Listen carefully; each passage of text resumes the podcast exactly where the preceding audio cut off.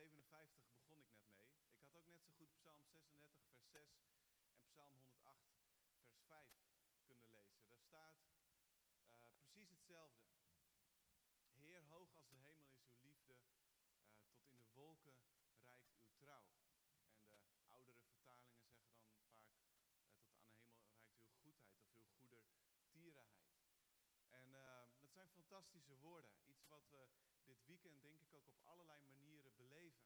We waren van vrijdagavond tot zaterdagavond met de kinderen op startweekend. En we hebben een super weekend gehad.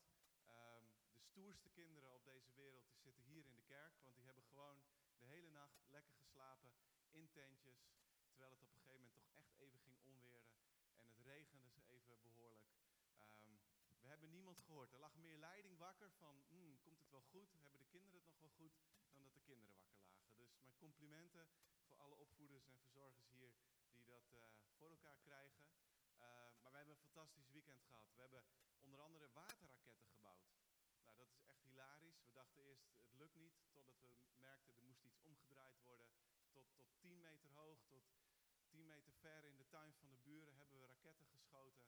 Uh, heel veilig, heel verantwoord, alles natuurlijk. Maar uh, het was, het was een super weekend. En uh, trouw en liefde heeft God ons laten zien. Uh, in, in, in wat hij deed en wat hij sprak tot de kinderen.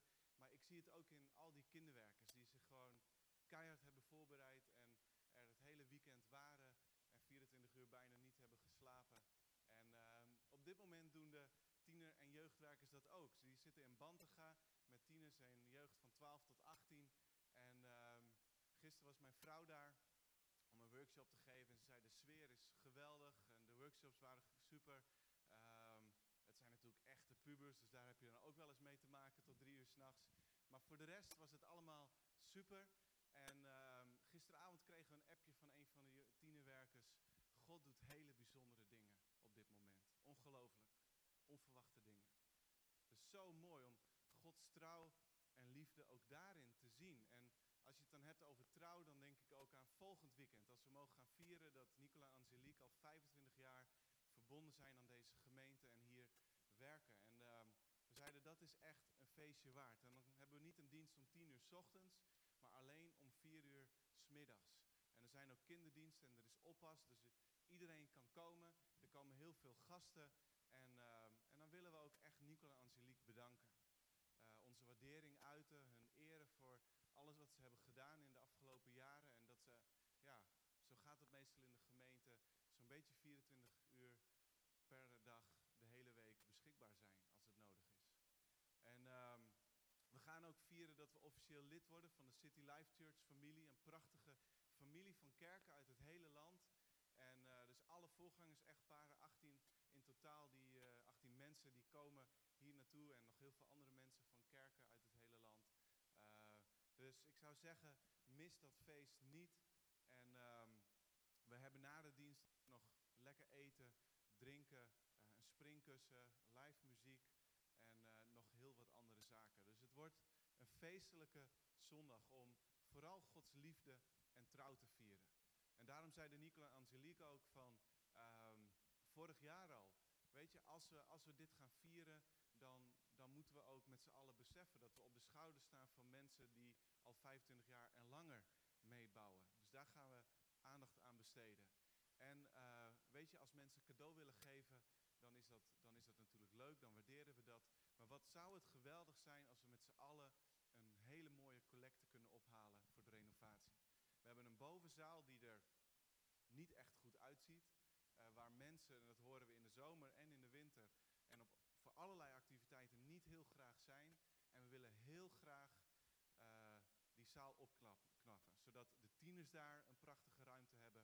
En zodat die hele zaal ook verbondenheid en samenbinding stimuleert, faciliteert. Dat we er graag zijn met een brunch, met koffie en thee, uh, voor een receptie of wat dan ook. Dus ik wil u vragen om erover na te denken en voor te bidden. Wat kan ik volgende week geven in die collecte, zodat we er een boost aan kunnen geven. En vanaf het najaar gaan we dan die bovenzaal opknappen. Door bedrijven, maar ook met z'n allen. Dus dat wordt fantastisch. Um, nou, dat even ter inleiding. Maar uh, we gaan nu uh, weer naar de serie Primetime. we hebben het vandaag over de time of your life.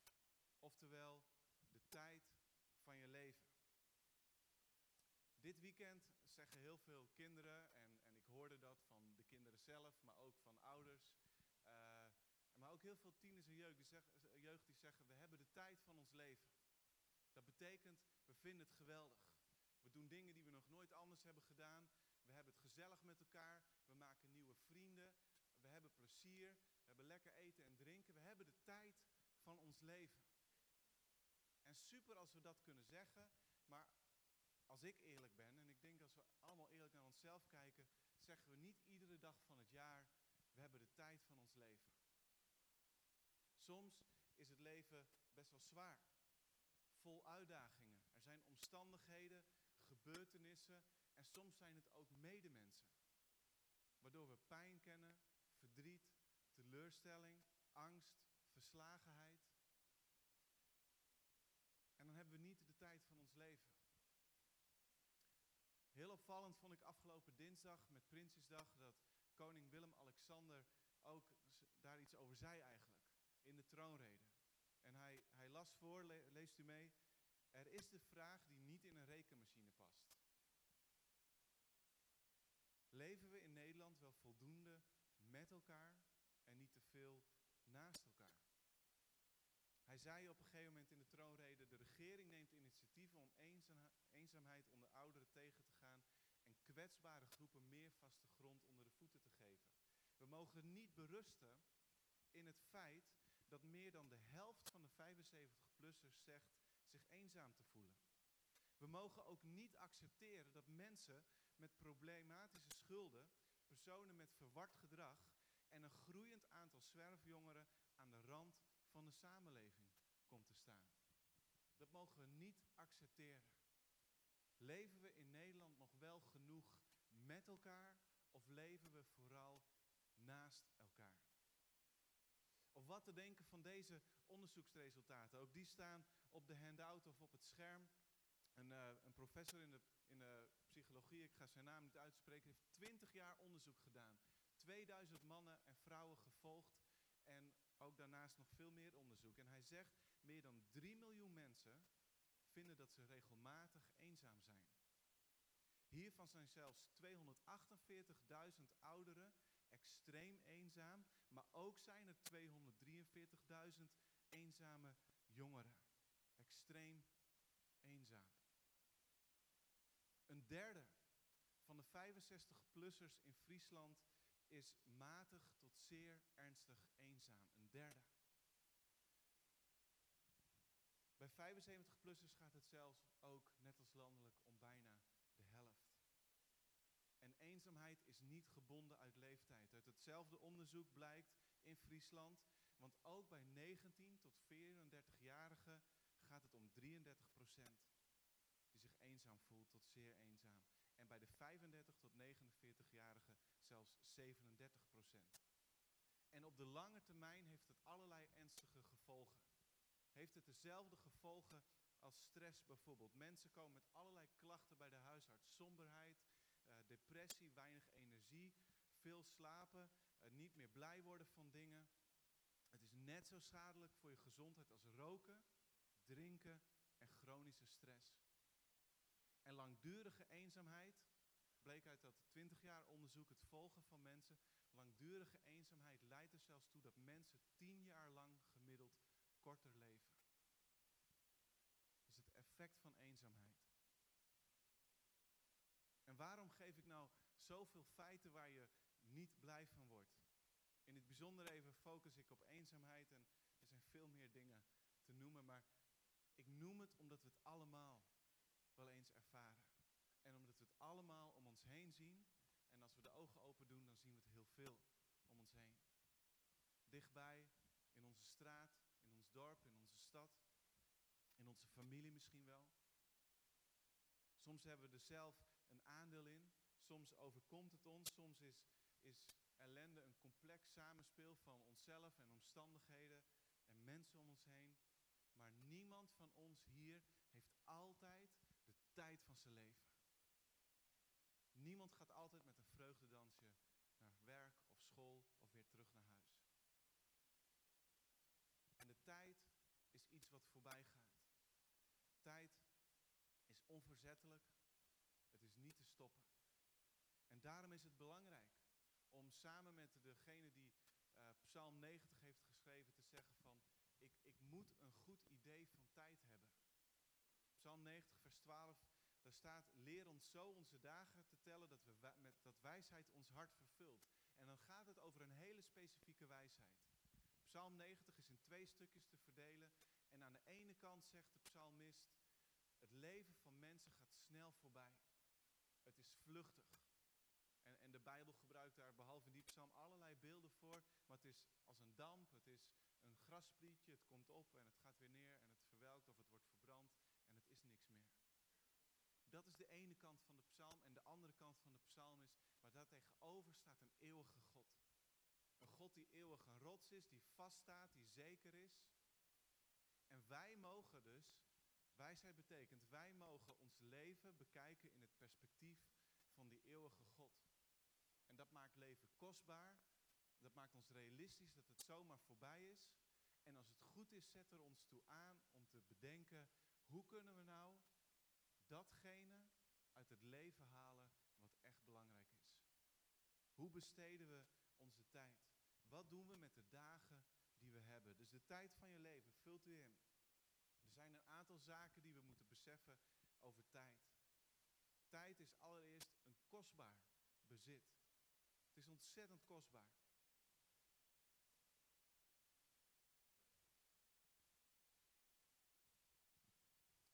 In theorie kun je altijd meer geld verdienen. Er kan geld bij verdiend worden. Maar je kan nooit tijd kopen. Je kan niet uren aan je dag toevoegen. We verzuchten soms, ik heb meer tijd nodig, maar voor iedereen geldt, we hebben 24 uur per dag. Dat is 1440 minuten die we hebben te besteden. En daar is niemand van uitgezonderd. Niemand heeft meer of minder tijd per dag dan een ander. En daarom is er een soort besef van urgentie nodig. Om er goed over na te denken, waar besteden we onze tijd aan? Want ten tweede, vult u in, tijd kunnen we niet managen. Tijd kunnen we niet managen, we alleen onze tijd besteding. Alleen onze tijdbesteding. Einstein, de geniale wetenschapper, die noemde tijdsmanagement een oxymoron. Dat is een stijlfiguur waarbij de twee, twee losse woorden eigenlijk worden samengevoegd, die eigenlijk, als je ze letterlijk neemt, elkaar ontkrachten, te niet doen. Tijd kun je niet managen, zei Einstein. De tijd verstrijkt vanzelf wel. Het gaat heus wel door. We kunnen nogmaals niet uren of minuten aan onze dag toevoegen. Maar waar we wel op invloed op hebben, zijn onze prioriteiten. Met andere woorden, waar besteden we de uren die ons gegeven zijn, waar besteden we die aan? En daar gaat eigenlijk deze hele serie Primetime over. Ten derde, we kunnen niet alles doen. Iedereen heeft 24 uur per dag. We kunnen niet alles doen. En dat heeft alles te maken met punt 1 en 2. Dus eh, het staat er ten overvloede, maar ik denk, ik zet het er toch op. Om er niet omheen te kunnen, om volledig duidelijk te zijn en om de conclusie te trekken, we kunnen niet alles doen. Jackson Brown, die zei ooit, zeg nooit dat je niet genoeg tijd hebt. Je hebt precies evenveel uren per dag als Michelangelo, Moeder Teresa, Leonardo da Vinci, Thomas Jefferson en Albert Einstein. Iedereen heeft dezelfde tijd. En we hebben allemaal de verantwoordelijkheid om keuzes te maken. Wat stop ik in de dag? En soms voor ons gevoel, wat prop ik in de dag? En wat niet? Als één hobby voor mij en mijn kinderen al, al lastig genoeg is om allemaal rond te breiden, waarom moeten het er drie of vijf zijn? Hoe ga ik mijn tijd besteden? En deze, dit weekend had ik medelijden met een aantal ouders uit deze kerk. Ik zal eerlijk zijn, uh, door omstandigheden moest uiteindelijk uh, vielen het startweekend en het jeugdweekend samen in één weekend. Dus dat betekent dat zaterdag, of dat vrijdagavond een paar ouders bij ons komen, auto volgeladen, snel de kinderen eruit, bagage eruit. Jongens, goed weekend. Hopsakee, terug naar huis, tiener ophalen, naar Bantega, weer naar huis. Zaterdag gisteravond de kinderen ophalen, tentje inpakken, bagage uithangen, slapen. En vanmiddag mogen ze weer naar Bantenga om de tieners op te halen. Dus mijn excuses daarvoor. En ik stel voor dat als, je, als jij onder die categorie mensen valt, dat je dan je brandstofkosten even declareert bij de penningmeester. Om het een klein beetje goed te maken. Dus wij doen er soms aan mee. Maar het is belangrijk om te, om te bedenken, wat stop ik in die week? En het vierde wat we moeten weten is, we moeten beslissen wat belangrijk is. En die beslissing dagelijks managen. We moeten beslissen wat belangrijk is. En die beslissing dagelijks managen. En daar bedoel ik dit mee. Het is een dagelijkse beslissing om dat wat je belangrijk vindt, wat je een prioriteit vindt, steeds weer op de juiste plaats te zetten. Als het goed is, hoef je er niet iedere dag over na te denken wat dan belangrijk is. Diep van binnen en soms heel diep van binnen, maar diep van binnen weten wat belangrijk is. Niemand hoeft van ons iedere dag of ieder jaar op 31 december te bedenken, dit jaar vind ik mijn partner heel erg belangrijk. En de kinderen komen volgend jaar. Iedereen weet, die is belangrijk. Dus wat we moeten doen, is iedere dag onze tijdsbesteding zo managen dat we daarin laten zien wat we belangrijk vinden en wie we belangrijk vinden en wat op de eerste plek zou moeten komen. En het was volgens mij Andy Stanley, een voorganger uit de VS, die zei: er zit cumulatieve, dat is toenemend, opstapelende waarde in het investeren van kleine hoeveelheden tijd aan bepaalde activiteiten over een lange periode. Dus het, je kan iedere dag kiezen. Als je je vrouw belangrijk vindt, dan hoef je niet iedere dag 12 uur bij elkaar in de huiskamer te zitten. Maar je kunt haar wel laten merken iedere dag, ik vind jou het belangrijkste. En de ene keer spenderen we een dag met elkaar en de andere keer breng ik je ontbijt op bed. En nog een andere keer zeg ik, blijf jij maar slapen, ik doe vannacht de luiers.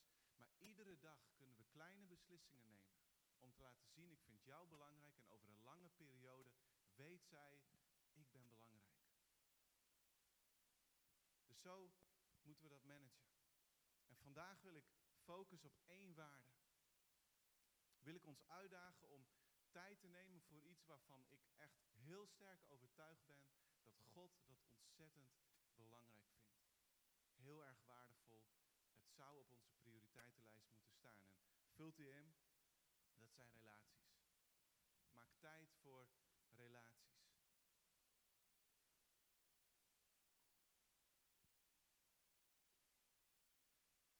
En als ik dat zeg, dan wil ik dat op een realistische manier doen. We moeten realistisch zijn over relaties, niet fatalistisch. Ik ga nu iets zeggen over relaties, maar dat is niet onvermijdelijke lotsbestemming voor al onze relaties. Het heeft niet het laatste woord. Daarom is wat ik nu ga zeggen punt 1 en daarna eindig ik met punt 2. Dat komt erna. Maar punt 1, het is wel waar. Het is wel iets waar we allemaal mee te maken hebben.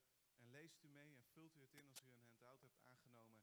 Door de zonde zijn relaties kapot gegaan en uitdagend geworden. Relaties zijn kapot gegaan en uitdagend geworden.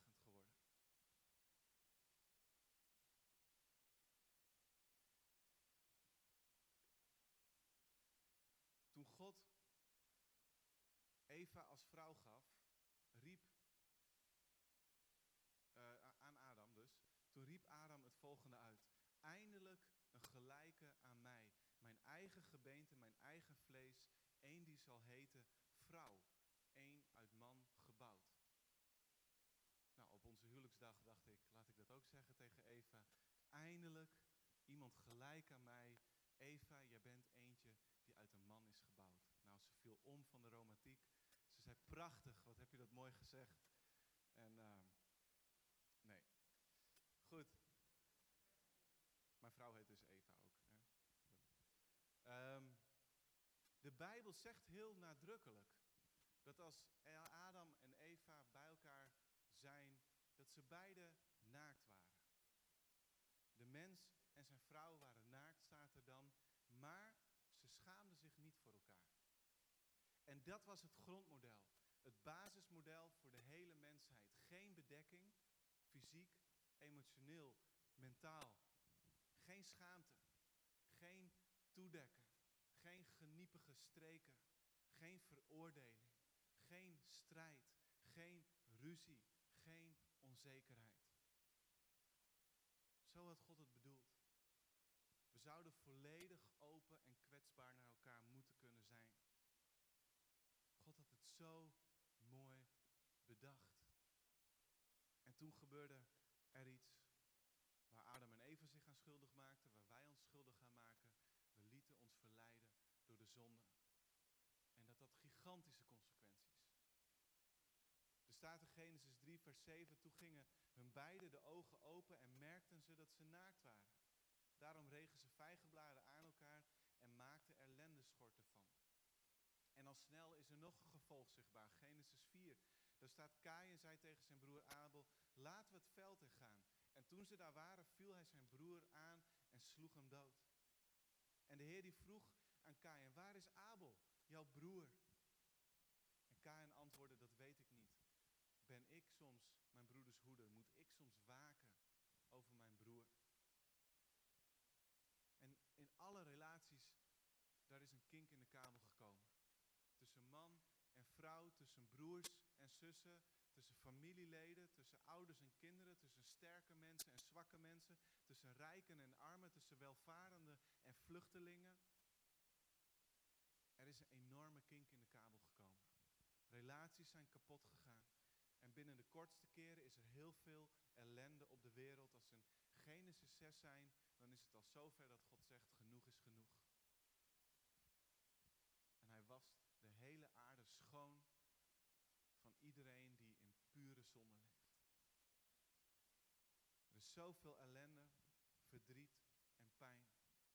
En niemand hier is uitgezonderd van die problemen en van dat verdriet. En dan komt Jezus.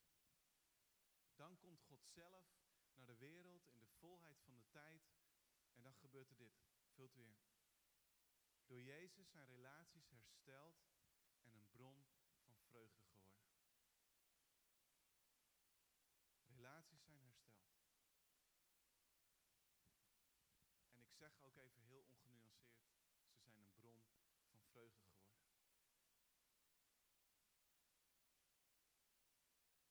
En ik besef dat we nog steeds te maken hebben met puntje 1. Daar ondervinden we nog steeds de gevolgen van. En we hebben in deze gemeente negen of tien jaar geleden, misschien zelfs wel elf jaar geleden, hebben we met z'n allen een boek gelezen. En die begon als volgt. Relaties zijn prachtig en relaties zijn pijnlijk. En dat is een beetje de realiteit waar we in leven. Maar wat Jezus voor ogen had toen hij stierf aan het kruis, was verzoening. En verzoening, dat woord heeft te maken met ruil. Heeft te maken met er wordt iets omgewisseld. Voor ons betekent dat, even heel simpel, onze ongerechtigheid, daar kregen we Jezus gerechtigheid voor terug. Dat betekent dat, dat er iets weg is gedaan, datgene wat tussen God en ons, maar ook tussen mensen onderling wegstond. En daarvoor hebben we iets heel moois in de plaats gekregen. De liefde van God. De liefde van God die ons ook mag inspireren om elkaar lief te hebben. En wat in de weg stond, zegt verzoening, is helemaal weg. Is helemaal opgeruimd. Het is ingewisseld. En er is herstel mogelijk in relatie. En dat gaat niet vanzelf. Dat is niet een automatisme. En, en in de theologie hebben we het dan over de, het reeds en het nog niet. Aan de ene kant is dit de realiteit die God heeft bewerkt. Aan de andere kant, pas op de dag dat Jezus terugkomt, zien we, zien we ten volle dit werkelijkheid worden. We gaan nog steeds niet perfect met. Er is nog steeds strijd. Er is nog steeds oneenigheid. En we vinden het soms best wel verrekte lastig om met elkaar samen te werken. Maar dit is ons uitgangspunt. Dat God zegt, er is verzoening. Jezus offer maakt het mogelijk dat er een ruil plaatsvindt. Jullie ruzie voor mijn vrede. Jullie gedoe voor mijn goedheid. Enzovoort, enzovoort. Er is op deze wereld een stroming en die noemt zichzelf minimalisme. En het heeft niks te maken dan met het minimalisme in de schilderkunst. Maar dat heeft ermee te maken dat er mensen zijn die zeggen: Ik heb heel veel spullen. Ik heb 30 truien, 30 overhemden, een loop-inkast die helemaal vol hangt. En wat moet ik er eigenlijk mee? En, en ik heb op aanraden van het programmeringsteam een documentaire gekeken. En dan gaat het over mensen, bijvoorbeeld die in twee backpacks alles hebben wat ze bezitten. Of die zeggen, we verkopen dat huis van 240 vierkante meter en we gaan in een tiny house leven. En dan hebben we precies wat we nodig hebben en niks te veel en minder impact op het milieu, enzovoort, enzovoort. En het is, het is best een hele inspirerende film, ook heel realistisch. Ze zeggen bijvoorbeeld, ehm, als jij van boeken houdt en je wordt er gelukkig van om de kaft van die boeken aan te raken of ze open te doen, dan moet je die boeken houden. Maar denk er in ieder geval over na, wat vind jij belangrijk?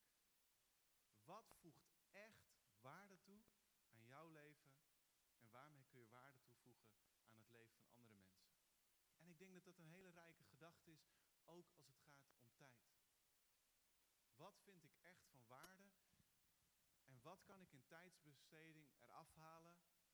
Waar kan ik mee stoppen? Waar kan ik mee ophouden? Waar, wat kan ik verminderen om te zeggen, er komen uren vrij die ik besteed aan dat wat ik echt belangrijk vind.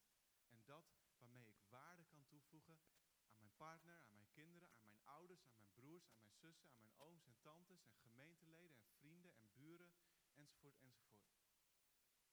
Wat heeft even heel geestelijk gezegd, eeuwigheidswaarde en wat niet. En dan staat er in Handelingen 2 iets waarvan ik denk wat voor God eeuwigheidswaarde heeft. Er staat dit, leest u mee. Degene die zijn woord aanvaarden, lieten zich dopen. Op die dag breidde het aantal leerlingen zich uit met ongeveer 3000. Ze bleven trouw aan het onderricht van de apostelen, vormden met elkaar een gemeenschap, braken het brood en wijden zich aan het gebed. De vele tekenen en wonderen die de apostelen verrichtten, vervulden iedereen met ontzag. Allen die het geloof hadden aanvaard, bleven bijeen en hadden alles gemeenschappelijk. Ze verkochten al hun bezittingen en verdeelden de opbrengst onder degenen die iets nodig hadden. Elke dag kwamen ze trouw en eensgezind samen in de tempel, braken het brood bij elkaar thuis het avondmaal vieren en gebruikten hun maaltijden in een geest van eenvoud en vol vreugde. Ze loofden God en stonden in de gunst bij het hele volk. De Heer breidde hun dagelijks uit met mensen die gered wilden worden. En dit is een, een, een prachtige beschrijving van het leven van de eerste gemeente. Ik ben een paar weken geleden het seizoen met alle connectgroepleiders van de gemeente begonnen met deze woorden voor te lezen. En dat was niet voor het eerst in de afgelopen 13 jaar. En ik zal het nog veel vaker lezen. Ik vind het zulke inspirerende woorden. En het geeft de ontmoeting en het samen eten en elkaar helpen en ondersteunen is voor die gemeente. En dat ze in huizen samenkwamen. En ja, dan sommige mensen denken, ja, maar ze hadden ook nog geen kerkgebouw. Maar ze hadden wel een tempel. En Paulus die huurt ergens in een van de steden, huurt hij wel een zaaltje. Om te zeggen, hé, hey, we kunnen ook met een grotere groep mensen samenkomen. Maar we weten uit historisch onderzoek, huizen, er konden 10 tot 40 mensen in. En het waren vaak de rijke gemeenteleden die zeiden tegen de armere gemeenteleden, kom bij ons. En we eten samen en we vieren het avondmaal samen en we delen onze bezittingen met elkaar. Waarmee heel natuurlijk rijk voor arm kon zorgen. En rijk het huis gebruikte voor iets heel goeds. Het was een prachtige gemeenschap. Handelingen 2, Handelingen 4, Handelingen 5. Daar blijven we erover lezen. De brieven van Paulus, de gemeente aan huis, maar ook in de synagoges en ook in de tempel. Het was dus niet zo dat het noodgedwongen was dat ze in huizen samenkwamen. Maar de apostelen vonden dat het centrum van gemeente zijn. En daarom op een gegeven moment, als er heel veel mensen bijkomen, de, de, de kerk van Jeruzalem is al heel snel een megakerk, 3000 begint het mee. En even later zijn het er al 5000 in Handelingen 4. En dan merken ze in Handelingen 6, jongens, als wij nog goed willen blijven onderwijs geven en preken, dan hebben we niet tijd om dan ook nog eens een keer al die maaltijden te organiseren. 5000 mensen. Maar we vinden het superbelangrijk voor onze gemeenschap.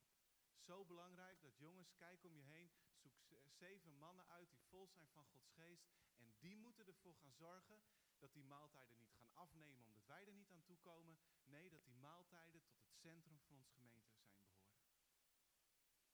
moet goed georganiseerd blijven. Dan zijn er mensen die vanaf dit moment kritisch worden. Die zeggen, ja weet je, dat was de eerste gemeente, het was allemaal nieuw en happy clappy en leuk en spannend en, en fantastisch. Maar ja, het was wel heel bijzonder en de tijden zijn veranderd.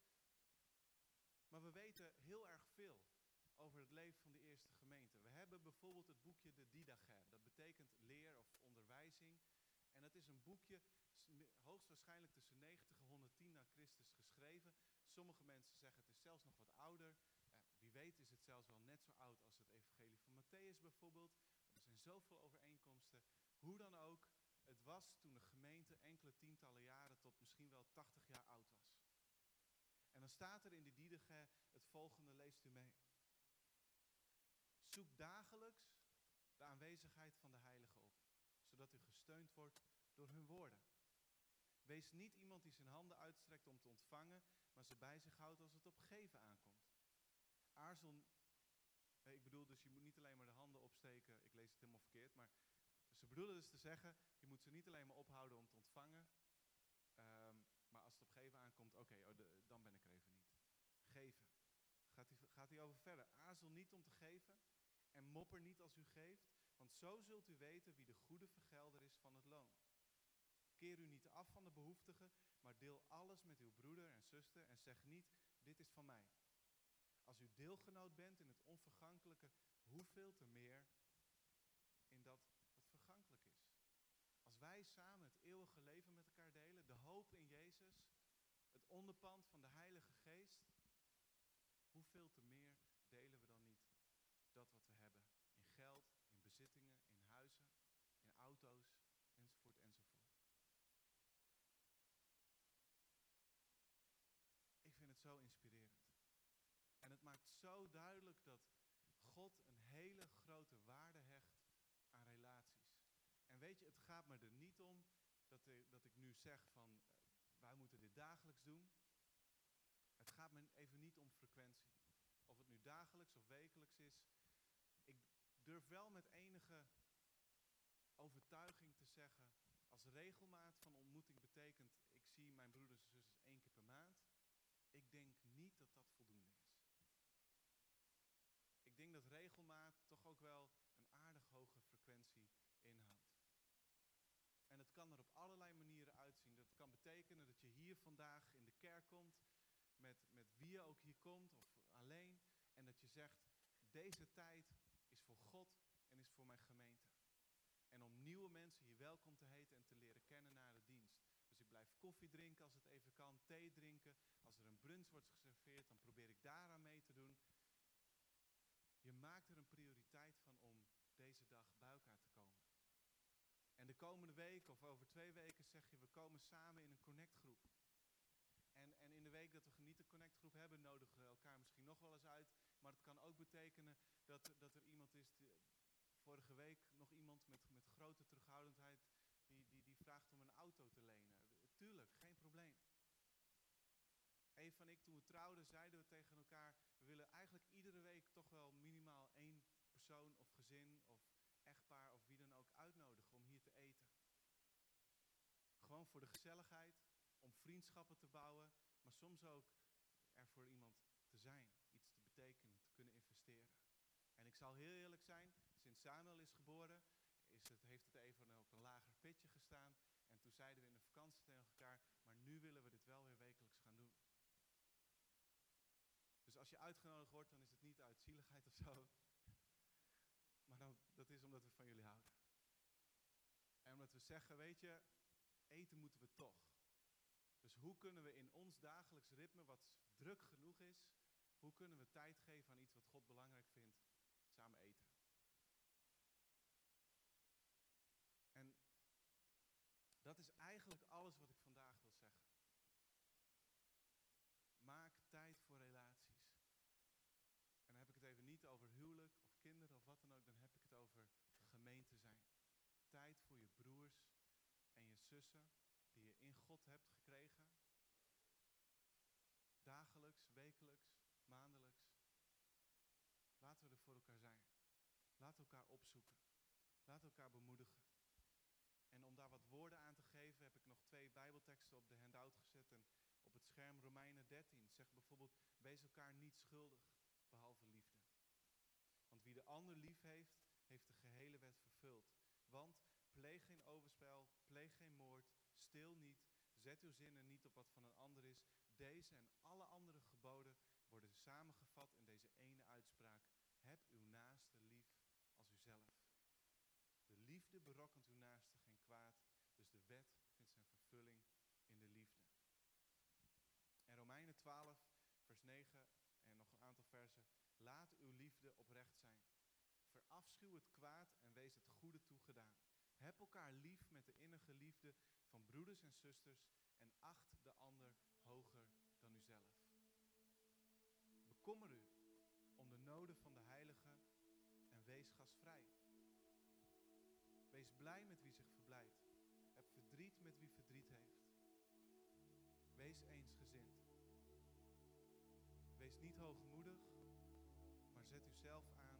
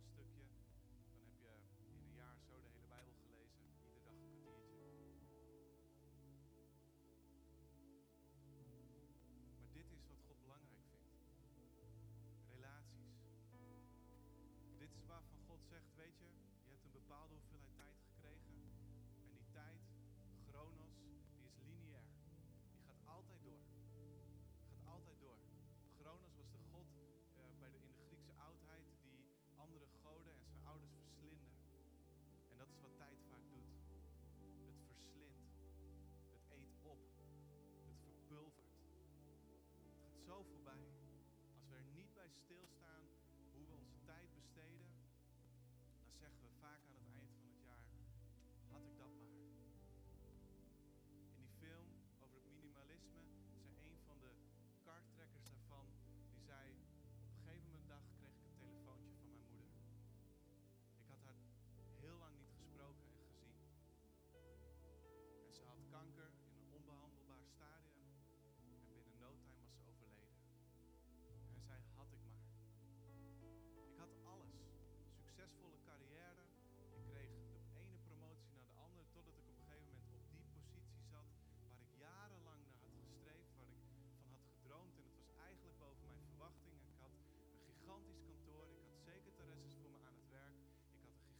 een